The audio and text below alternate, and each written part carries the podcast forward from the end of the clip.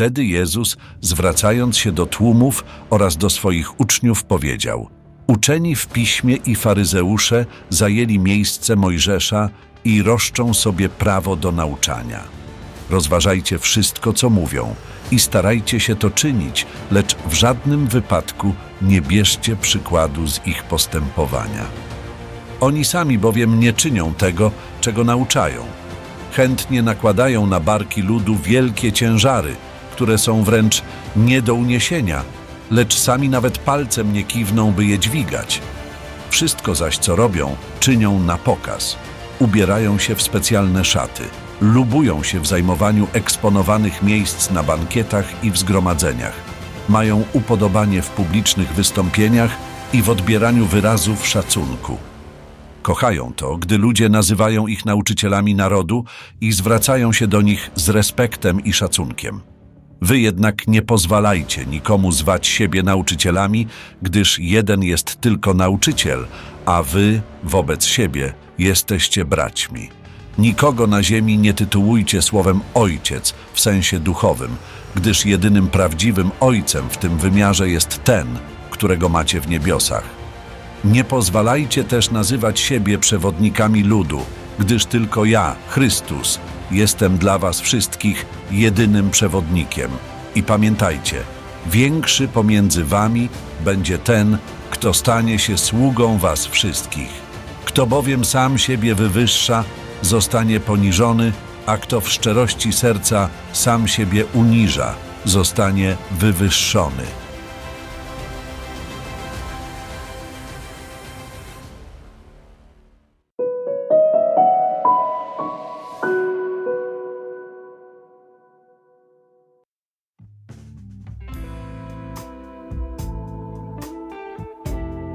Dzisiaj każdy może być gwiazdą na swoim portalu internetowym, zaś pragnienie bycia zauważonym, docenionym, a nawet czczonym jest silniejsze niż kiedykolwiek.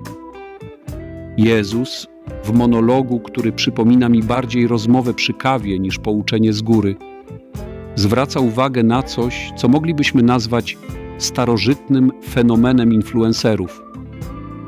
Mówi o uczonych w piśmie i faryzeuszach którzy można by powiedzieć mieli więcej obserwujących niż przeciętny użytkownik Instagrama.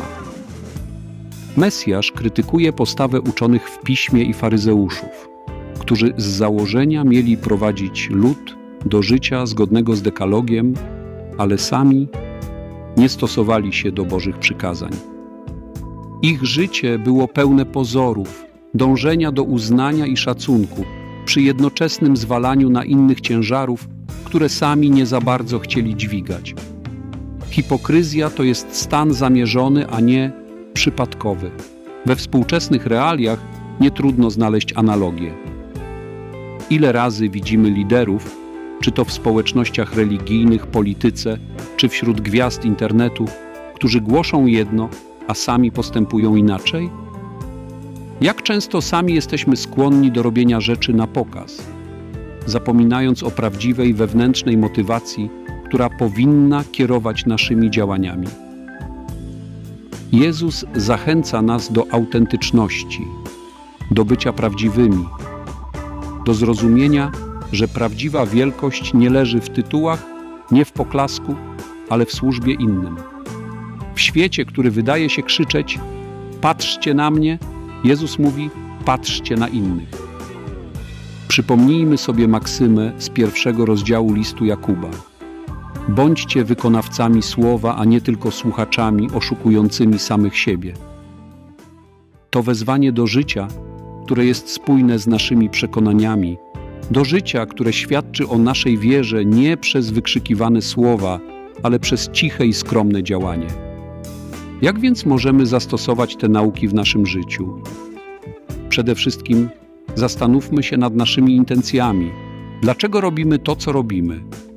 Czy nasze działania są napędzane pragnieniem bycia zauważonym i chwalonym, czy prawdziwą chęcią służenia innym? Następnie bądźmy autentyczni. Nie pozwólmy, by chęć zdobycia uznania przysłoniła nam to, co naprawdę waży. Pamiętajmy, że nasza wartość nie wynika z tego, jak nas postrzegają inni, ale z tego, jak żyjemy naszą wiarą na co dzień. Prawdziwa wielkość, jak naucza Jezus, leży w byciu służącym dla wszystkich. Szukajmy sposobów, aby wspierać i podnosić innych, nie oczekując za to pochwał.